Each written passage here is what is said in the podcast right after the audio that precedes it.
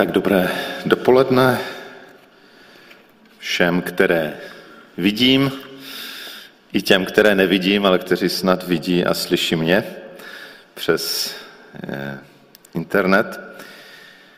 Eh,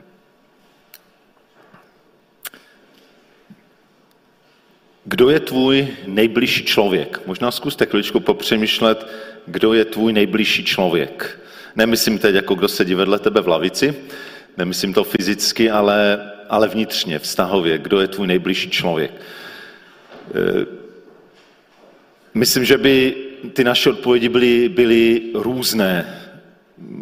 Věřím, že pro ty, kdo žijí v manželství, doufám, že často by zazněla odpověď můj manžel nebo má manželka. Může to být e, můj kamarád, kamarádka, nějací přátelé, může to být rodič nebo naopak dítě. E, a, nebo šéf v práci. A e, v tom se můžeme hodně lišit.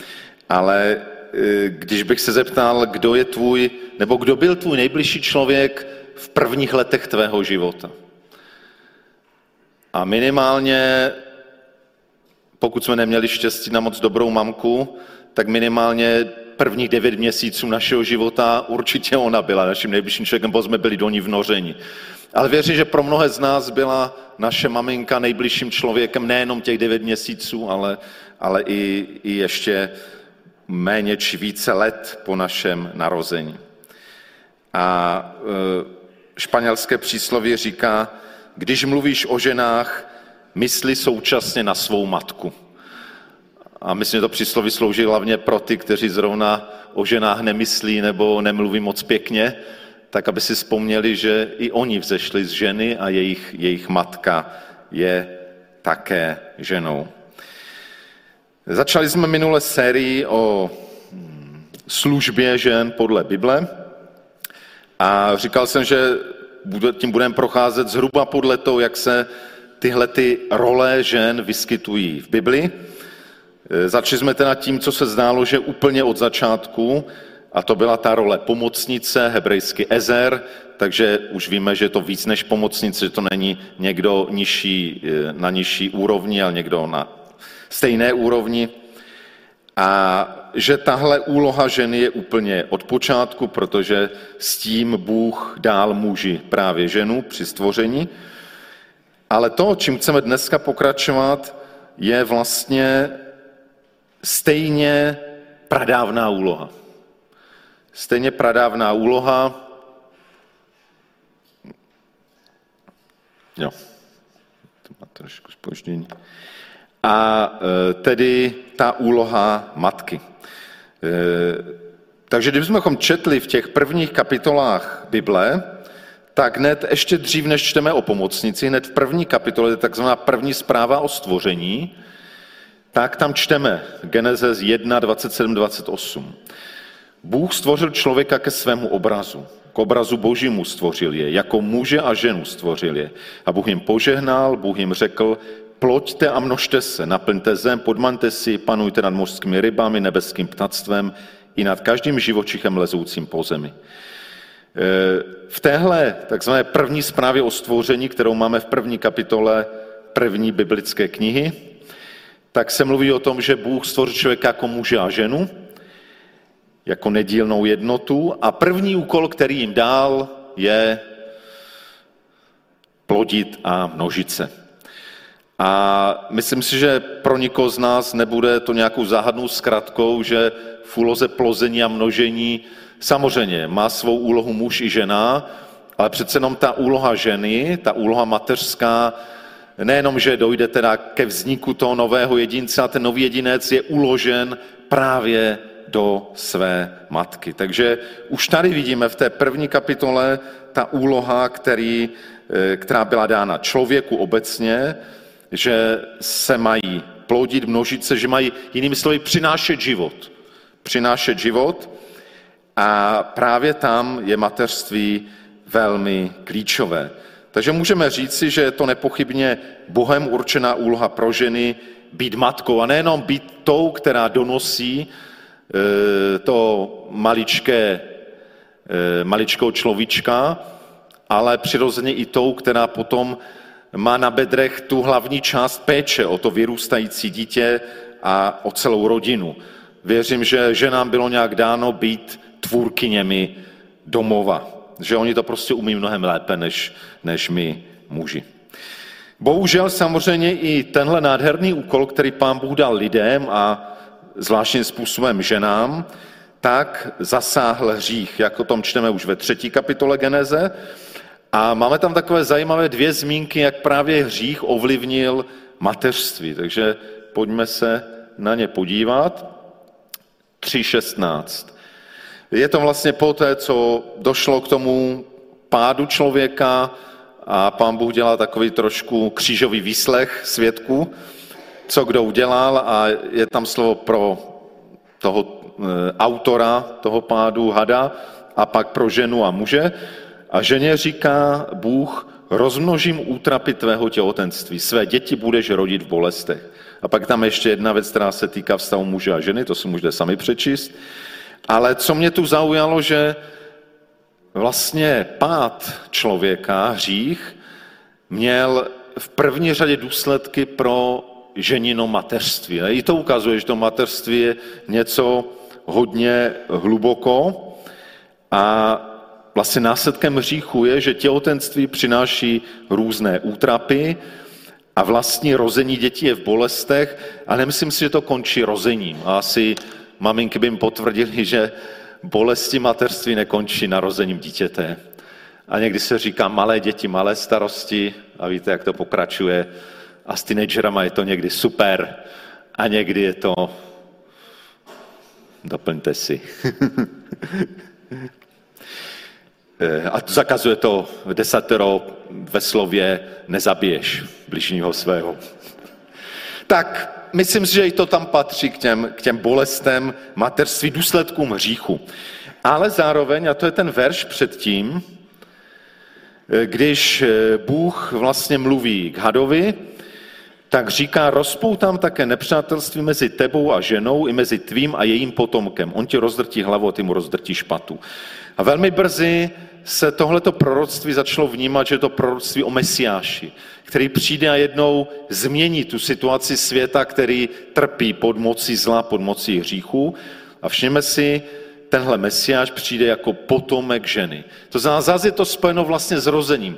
Skrze ten potomek se narodí, a slavíme to o Vánoci, že se narodil, takže to vlastně skrze rození, skrze mateřství přichází nejenom e, následky hříchu, ale taky přichází záchrana.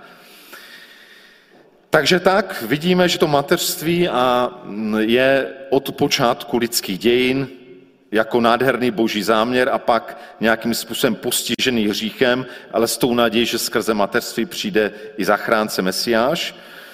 A kdybychom četli dál o mateřství ve starém zákoně, tak vidíme, že přesto, že jsem eh, minule citoval, že často potom v tom rabinském židovství eh, rostla úloha mužů a klesala úloha žen, Zajímavé, že to je možná jediná úloha žen, která eh, vždycky v židovství měla velikou roli. Prostě matky vždycky se těšily velké úctě. Konec konců to změnilo desatero, tam má to jedno přikázání, ctí svého otce a dost. Ne, tam ctí svého otce i matku. A v mnoha příslovích a tak dále je vlastně otec matka na stejné rovině té úcty. Už tam to vidíme. E, vůbec ve berické společnosti se matka těšila velké úctě a jedním projevem bylo, že většinou to byly matky, které dávaly jméno svým dětem. A i v době, kdy žil Ježíš ve starověku, nejenom teda židovském, ale i řecko-římském, byly určité výsady s mateřstvím spojené. Mateřství bylo i v tom starověkém světě velmi respektováno. A když jsem přemýšlel zase nad jedním konkrétním příkladem mateřství, ze kterého se můžeme něco naučit, nejenom ženy, ale muži, a rád bych, aby jsme my muži to nevypustili, tu sérii, jakože nás se to netýká, že to je o ženách, protože se nás to minimálně stejně týká, protože myslím si, že potřebujeme hodně opravit svůj vztah k ženám obecně, i v církvi, tak eh, je to pro nás a doufám, že to z toho slova vyplyne, že je to pro každého z nás, tak mě samozřejmě napadla eh, Maria, matka Ježíšova. Není o ní v Bibli moc, ale už tím, že je matkou Mesiáše, tak e, možná to mateřství tam zvlášť, zvlášť vyniká. A když jsem přemýšlel, jak to pojmou, tak jsem chtěl ukázat takové e, tři obrazy mateřství Marie, matky Ježíšovi, a takové tři úseky z Bible, které ukazují nejenom její mateřství, ale něco důležitého obecně pro mateřství a něco důležitého pro jak ženy, tak pro muže. Tak to první, ten první obraz je vlastně o dítěti, které přichází. Je to ten, eh, vlastně ta událost, kdy Maria ještě pana, nevíme, kolik bylo, někteří říkají 14 let, někteří 12 let, 15 let, 18 asi nebylo v tu dobu, asi fakt byla mladší. A to je, ale není tak podstatné, byla to dost mladá dívka a má takové zajímavé, důležité setkání s andělem. Tak pojďme si to přečíst. Lukáš první kapitola, verše 26 až 38. Dneska ve všech textech používám překlad B21. Takže nejdřív si ho přečteme ten text. Když byla Alžběta v šestém měsíci, poslal Bůh anděla Gabriela do galilejského města jménem Nazaret k páně zasnoubené muži jménem Josef z domu Davidova. Ta pana se jmenovala Marie. Když k ní přišel, řekl, zdravím tě, milostí obdařená, hospodin s tebou. Ta slova ji rozrušila. Co to bylo za pozdrav? Přemýšlela. Andělí ale řekl, neboj se, Marie, vždyť si nalezla milost u Boha. Hle, počneš, porodíš syna a dáš mu jméno Ježíš. Bude veliký, bude nazýván synem nejvyššího a hospodin náš Bůh mu dá trůn jeho otce Davida. Bude navěky královat nad domem Jakobovým a jeho králování bude bez konce. Jak se to stane, zeptala se Marie Anděla. Vždyť jsem ještě nepoznala muže. Sestoupí na tebe duch svatý a zastíní tě moc nejvyššího, odpověděl jí anděl. To svaté dítě, které se narodí, proto bude nazýváno syn Boží. A hle, tvá příbuzná Alžběta, o níž se říkalo, že je neplodná, i ona přes své stáří počala syna a je v šestém měsíci. U Boha přece není nic nemožné. Marie řekla, hlej, jsem služebnice páni, a se mi stane podle tvého slova. Tehdy od ní anděl odešel. Já bych z tohle textu chtěl vybrat takové dvě věci, které se týkají mateřství. Za jedno otázka, odkud mateřství pochází, co je zdrojem mateřství. V tomhle případě to bylo dost specifické. Anděl to říká jednoznačně. Marie se ptá, jak se to stane, protože mateřství obvykle vychází skrze spojení muže a ženy. Ale Marie zatím ničemu takovému nedošlo, ani v nejbližší době do svatby dojít nemělo. A anděl říká, sestoupí na tebe duch svatý, zastín tě moc nejvyššího. E, v tomhle případě samozřejmě zvláštním způsobem můžeme říct, že zdrojem mateřství je Bůh. Kdyby moc Ducha Svatého nesestoupila na Marii, tak prostě by se nestalo nic. Ale já bych chtěl říct, že se to netýká jenom Marie. Věřím tomu, že zdrojem každého mateřství, jinými slovy zdrojem každého člověka je Bůh.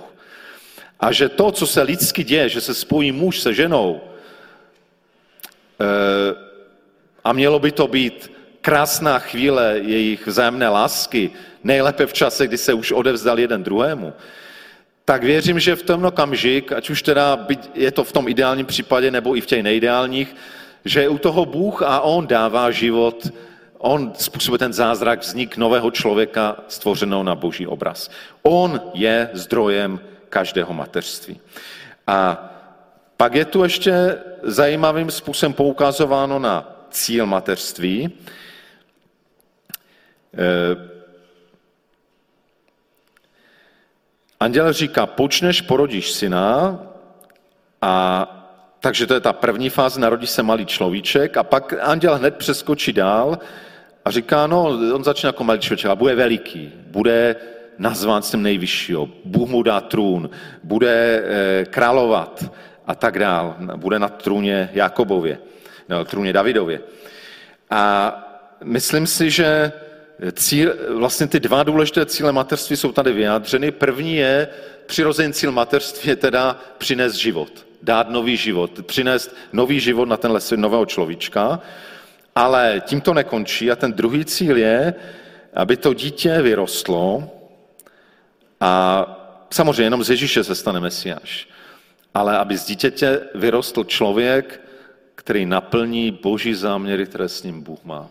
Věřím, že to je druhý, a není to samozřejmě jenom na matce ani na otci, je to hodně na tom člověku samotném, ale eh, ti rodiče mají připravit cestu k tomu, aby ten človíček mohl vyrůst, ale taky, aby mohl nějak směřovat k tomu, aby naplnil záměr, který konkrétně s ním Bůh má. Myslím si, že vliv rodičů, ale zvlášť vliv maminek, eh, je obrovský právě na tvarování, jsem to nazval, nebo někde jsem to našel, tvarování osudu svých dětí. Někdo říká, že co se vloží do těch dětí v prvních třech letech, že už potom moc víc neuděláme. Že ty první tři roky jsou klíčové. A tam v těch prvních třech většinou je tam hlavně nejvíc ta máma. Samozřejmě, pokud je tam ten otec co nejvíc, tak je to super, ale pořád ta máma tam má tu, tu zvláštní roli. A eh, jeden eh, spisovatel, který se jmenuje Rilke, řekl, ruka, která pohání kolébku, hýbe světem. A chtěl bych říct, že někdy možná vy ženy, vy matky s malými dětmi máte dojem, no tak teď nemůžu nic, co jsem dělala a služba je vájí a zaměstnání vájí, pořád jenom kolem toho dítěte nebo kolem těch dětí, ale to je, to je obrovská služba. To je to největší, co v tu chvíli můžete dělat, protože ruka, která hýbe kolébkou, eh, nevím, na kolik máme teď kolébky, teď už někdy jim hýbe i, i elektromotorek, nebo je to různě, ale Tahle ruka hýbe světem, protože formuje, tvaruje člověka a nikdo z nás nevíme, jestli ten človíček v té kolípce není třeba budoucí pan prezident nebo paní prezidentka nebo, nebo kdokoliv jiný důležitý eh, nebo důležitý, který ovlivní možná mnohé. Každý je důležitý, ale někdo má větší sféru vlivu, někdo menší. Takže to je obrovská úloha. Máma navíc má být zvláštním obrazem, a o tom mluví Bible, Boha. Boží něžnosti, boží moudrosti vůči tomu dítěti, boží, boží obětavé lásky. A, a podle toho, jak ta máma jedná, tak může ukazovat tomu dítěti a připravovat cestu k tomu, aby skrze tu mámu jednou e, viděl Boha, protože přirozeně pro to malé dítě rodiče jsou fakt takovými bohy, když ještě Boha nezná v těch prvních letech, pak se to mění a v teenagerském období se to posune úplně do opačné často, ale na tom začátku to tak je. Takže může jistým způsobem samozřejmě tatínek, ale máma zvláštním způsobem být obrazem Boha.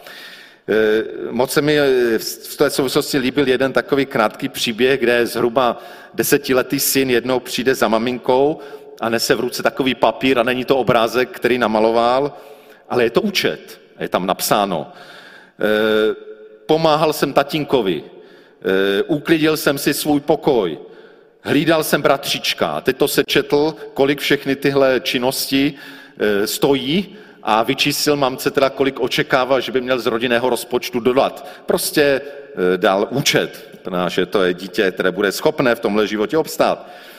Nicméně mamka neměla radost podnikatelského syna, dost smutně se na něho podívala a pak napsala na, druhý, e, na druhou stranu toho papírku devět měsíců, kdy jsem tě nosila pod srdcem ty eh, časy, kdy jsem tě kojila možná každé dvě, tři hodiny a starala jsem se, když už jsem přestala kojit o, o, o tvé jídlo.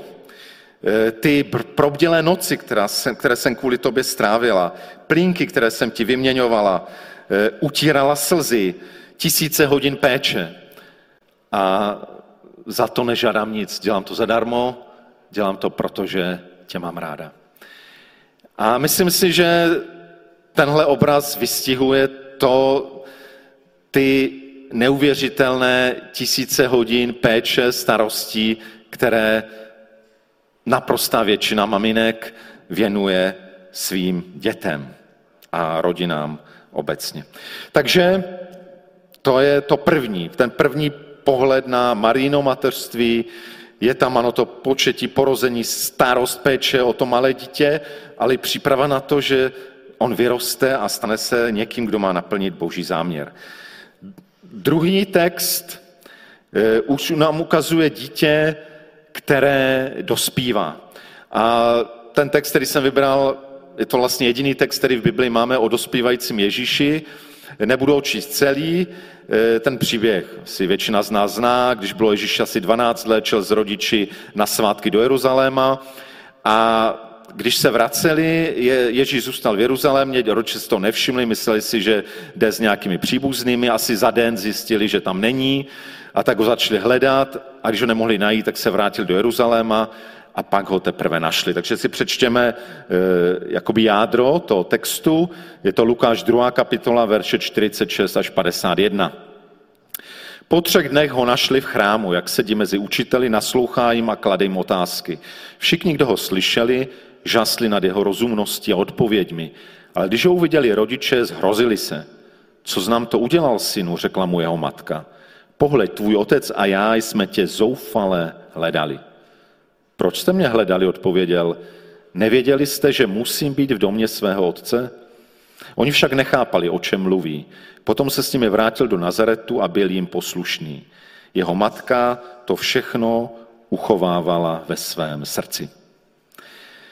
E, myslím, že tenhle příběh je příběhem, který je možná i proto zaznamenán v Bibli, že odhaluje mimo jiné to, že Ježíš jako syn je na cestě od svých rodičů pryč. E, Ježíš možná poprvé tam jasně vyjádří, že ano, miluje své rodiče, ale má vyšší prioritu v životě.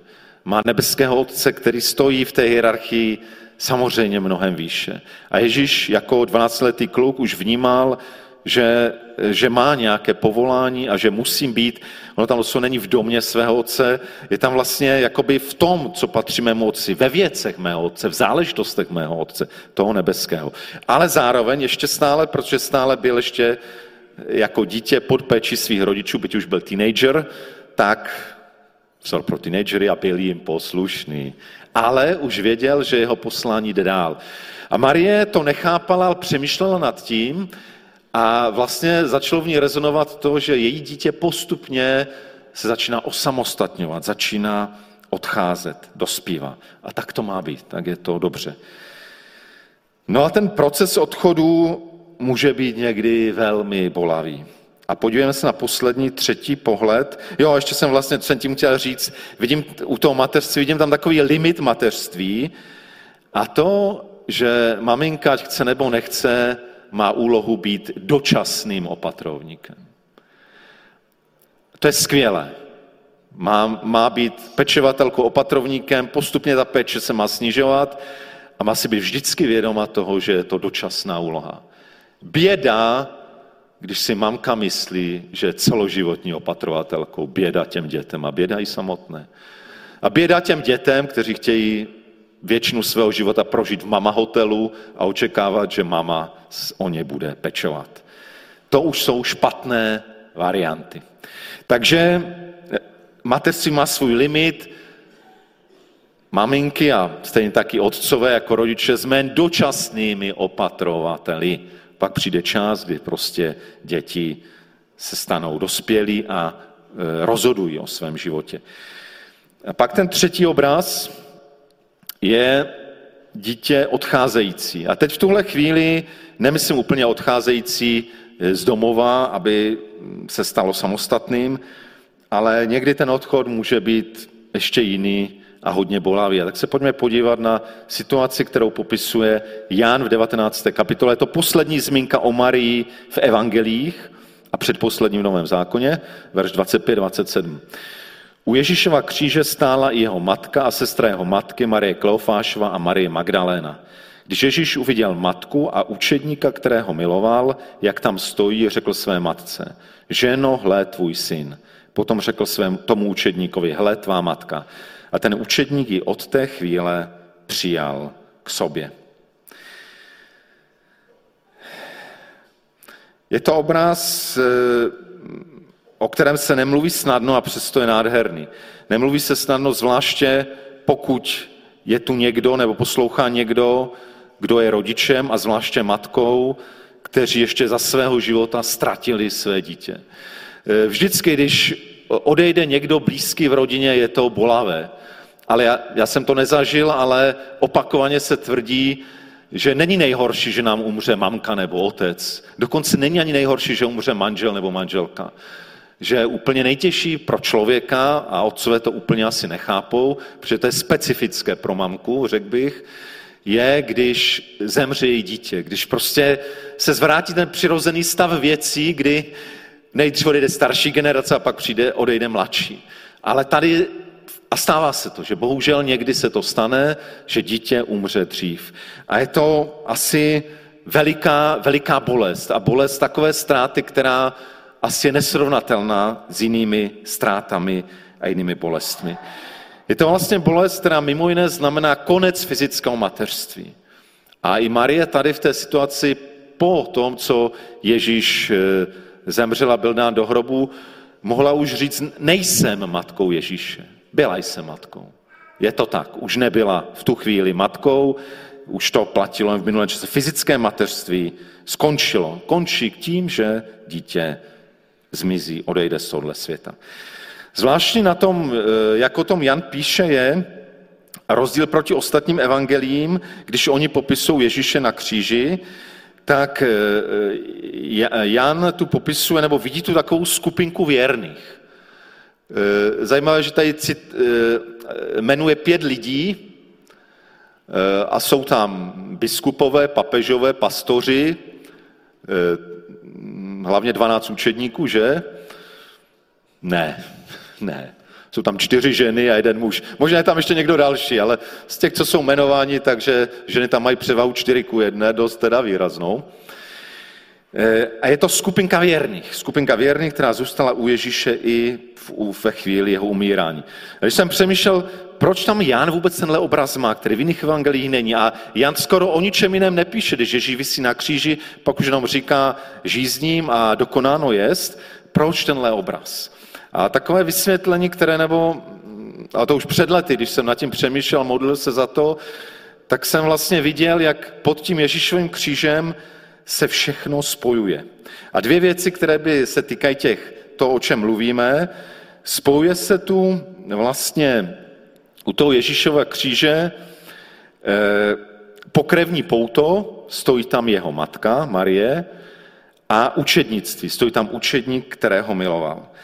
Za Ježíšova života občas tyhle věci jakoby nekorespondovaly. Víme, jak eh, Ježíšova rodina hledá Ježíše a v rodině se říká, že se zbláznil a eh, teď chtějí, aby Ježíš vyšel a Ježíš jenom řekne, kdo je můj otec, kdo je má matka, kdo jsou moji bratři, sestry.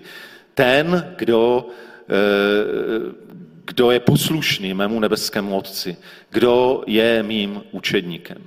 A někdy to učednictví zdálo se být v kontrastu právě s těmi přirozenými pouty. A najednou Ježíšové kříže se to začíná spojovat. To přirozené pouto, které tu představuje pokrevní, které tu představuje jeho matka a učednictví, učedník, kterého miloval pravděpodobně eh, apoštol Jan. Zároveň se tu spojuje žena a muž. Eh, je tu Marie a ještě další ženy, které jsou jmenovány a je tu muž, Eh, učedník, kterého miloval. A, a ten, ta žena a muž, konkrétně Marie a učedník, kterého Ježíš miloval, pravděpodobně Ján, eh, jsou jim tady dávány jakoby nějaké, jsou dáváni do vztahu. Je, eh, Ježíš říká Marii, hle, tvůj syn a synovi, hle, tvá matka. Většinou tak jako jednoduše, takový jednoduchý eh, protestantský výklad, který najdeme jako ve většině komentářů v Biblii, no, že Ježíš prostě myslí na tu matku a chce se o ní postarat, aby, aby prostě byť pravděpodobně měl bratry, ale svěřuje Janovi. Určitě to tam taky je, ale Jan Evangelistán je eh, veliký symbolika, jde do velké hloubky. Myslím si, že zdaleka nejde jenom o to. Myslím si, že jde o to, že se tu vyjadřuje, jsou tu žena a muž, oba učedníci Ježíše Krista, které Ježíš dává do vztahu. Hle tvůj syn, hle tvá matka. Každý jsou ve vztahu, každý má nějakou jinou roli.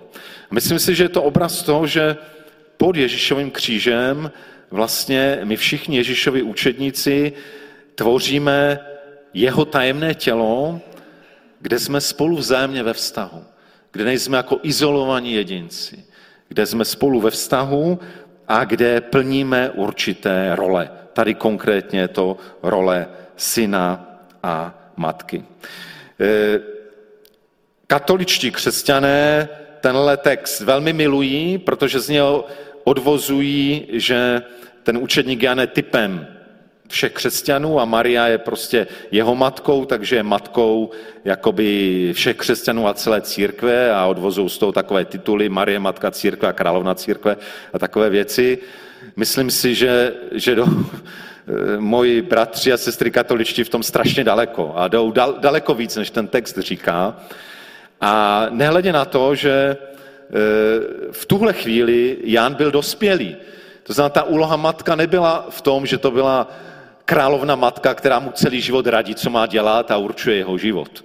To už není úloha matky u dospělých synů, ať jsou to takto adoptivní ve víře nebo, nebo pokrevní.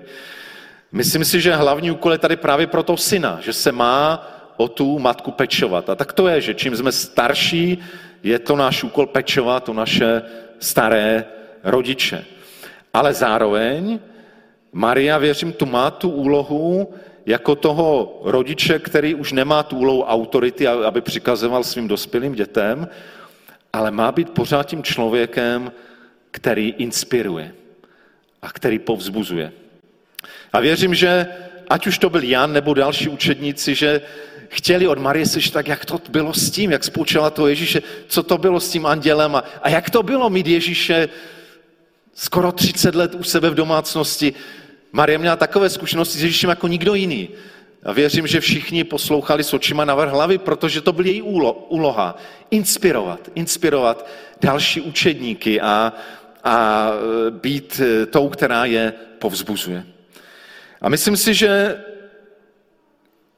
v tom okamžiku, kde jistým způsobem končilo fyzické mateřství Maria, byť sice Ježíš byl vzkříšený, myslím si, už byl v jiné pozici než prostě syn Marie, končí sice Marijino fyzické mateřství, ale začíná to mateřství duchovní. A to je, myslím, něco, co, co je e, nejenom, e, a tady bych právě to chtěl napojit na to, že ne každé ženě, ne každá žena má prostě tu úlohu, možná tu milost nebo to vedení v tom, že se stane fyzickou matkou. Ale chtěl bych říct, že věřím tomu, že je to ještě něco hlubšího, než být fyzickou matkou, že ženy mají zvláštní povolání být duchovními matkami. I v tom případě, kdy děti už jsou dávno pryč nebo na druhém konci světa, i v tom případě, kdy děti třeba předčasně umřely, i v tom případě, kdy ta žena prostě nemá své děti. A přesto má to povolání a může mít to povolání inspirovat druhé, povzbuzovat druhé a zvláště ty mladší. Tak kdybych zhrnul to dnešní poselství, eh, Věřím, že to zdaleka není jediná úloha pro ženy, budeme o tom dál mluvit. A přesto, když jsem znovu ty texty procházel, vnímám to, že, že je to klíčová boží úloha pro ženy, mateřství. Ale pozor, nejenom to fyzické, to je jenom pro možná mnohé ženy, ale ne všechny, ale i to duchovní. A věřím, že to duchovní je zvláštní povolání, které skutečně téměř pro všech, nevím, jak si existuje nějaká výjimka. Je to teda klíčová boží úloha pro ženy. A co z toho si teda můžeme prakticky odnést? Tak mě napadly takové tři věci. První věc teda je to o ženách, takže ta první věc se týká, je pro ženy. Chtěl bych, abyste eh, abyste i tohle dnešní poselství Božího slova brali jako, jako povzbuzení. Jako povzbuzení, že povolání být matkou je obrovská výsada. Povzbuzení pro vás, které možná máte malé děti a teď, teď ne, to, no to se nehodí tady, že říkat, ne, no prostě je to pro vás těžké, je to pro vás těžké a náročné a my teď máme vnuka e, víkend doma a je to krásné, ale teda mít takové tři děti doma, tak to je síla. Takže obdiv, můj veliký obdiv. Takže povzbuzení, že to, že to má smysl, že to je obrovská úloha, že nejste v tom sami, že Bůh vás do toho povolal. I když jste maminky teenagerských dětí, i když jste maminky velkých dětí a máte s nima starosti a možná jdou tím životem tak různě, anebo e, vzít to povolání té, té duchovní matky, ať už máte fyzické děti nebo nemáte, ale vzít to, že je to, že je to nádherná výsada, kterou máte a vzít to, že je to dobré a že na to nejste sami. Pro muže a napadlo mi nejenom pro muže, ale i pro děti, které teda ještě jsou pod tou mateřskou nějakou péčí, měli bychom se učit opravdu respektovat. Respektovat tuhle obrovskou úlohu, kterou ženy, matky mají, ať fyzické či duchovní, a být za to vděční. Kde bychom bez žen byli? Nikde, protože bychom tu nikdo z nás nebyl, že skončilo by to v první generaci. Takže e, mějme veliký obdiv, velikou úctu, nejenom na, jsem si říkal, tohle kázání by mohlo, jsem si mohl schovat na svátek matek, že? Ale ať to vidíme, to není jednou ročně, ale je to něco, co, co je trvalé matky nejsou matky jenom na svátek matek druhou ne, eh, květnovou neděli, jak, nebo jak to je, ale, ale pořád. Takže eh, respektujme a buďme vděční. A, eh, já jsem rád, že třeba, když už jsem byl ženatý a, a bydlel jsem jinde, že moje žena mě povzbuzovala aspoň jednou týdně jako a zvlášť, když tatínek zemřel a maminka zůstala sama, aspoň jednou týdně té mamce zavolej. A my chlapi jsme s tím voláním, nebo nevím, možná někteří jste na tom dobře, já jsem na tom dost špatně, což teda je velká chyba u pastora, ale tak občas ten telefon zvednu, ale není mi to úplně přirozené, takže se za mě modlet, aby ho zvedal častěji. A takže i s tou mamkou to pro mě nebylo jednoduché a, a když mi žena řekla jednou týdně bys to měl, tak mě to pomohlo. Mě to pomohlo a věřím, že, že i pro moji mamku to něco znamenalo. Samozřejmě kromě nějakých eh, výjezdů i fyzických, ale, ale tohle bylo. A poslední pro nás všechny, a to už jdu trošku za rámec, už jenom toho mateřství, eh, tak jak co se dělo mezi tím Janem a Marí, eh, kde byly nějaké role a vztahy v tom tajemném Kristově těle. Myslím, že všichni potřebujeme objevovat to, a dneska to tu několikrát zaznělo o té boží rodině, boží rodina, nebo jinak obraz Kristova těla, Každý tam máme nějakou úlohu, každý tam máme nějakou roli. A my potřebujeme ji objevovat a tu roli naplňovat. A pozor, není to role, kterou my si vymyslíme. Není to role, kterou si řeknu, no tak dobře, tak já v tom, já v tom těle budu pastorem, to je fajné, ne? tak budu mluvit, lidi mě budou poslouchat, to je dobrá role, ne? A to by byl špatný pastor, protože jestliže a i u mnohem jiných rolí, jestliže se do nich nominujeme sami, o to nejde a pak pravděpodobně ta role nebude dobře zvládnuta. Eh, jde o to objevit tu roli, kterou pro nás Pán Bůh má. A věřím, že každý z nás tam to místo má a tu roli plnit máme. Takže se v tom mohl najít každý. Dovolte, abych to slovo zakončil modlitbou. Pane Bože, tak, tak děkuju, že jsi tak podvodně stvořil nás lidi, že jsi nás stvořil jako muži a ženy a že jsi že nám dal tu zvláštní úlohu být matkami. Být těmi, ve kterých to malinké miminko roste, být těmi, kteří eh, většinou mají tu hlavní břímě nesení eh, péče a výchovy dětí a, a mm, nesení břemena toho, eh, té rodiny. Děkuji ti za všechny ty, ty mamky, které které to dělali nebo dělají e, s upřímným srdcem, dělají chyby, ale, ale chtějí a, a milují své děti, milují svou rodinu. Děkuji za ty ženy, které z různých důvodů se nemohly stát e, fyzickými maminkami a, a přesto věřím, že je tam ten potenciál prostě být tím, kdo, kdo přináší dobro ostatním, kdo možná inspiruje, povzbuzuje druhé. Děkuji ti za to, že si nám dal eh, naše vlastní maminky a že si nám dal manželky, které fungují jako maminky. Děkuji ti, že každý z nás, ať jsme muž, žena, ať jsme mladí nebo staří, máme své místo v Kristově těle a tak kde, ať ta své místo objevujeme, to, které ty jsi nám připravil, ať se v něm ho můžeme naplnit ze, tvé, ze tvého zmocnění, ať může to Kristovo tělo fungovat, ať jak v našich rodinách, tak ve sboru v církvi, v naší společnosti. Amen.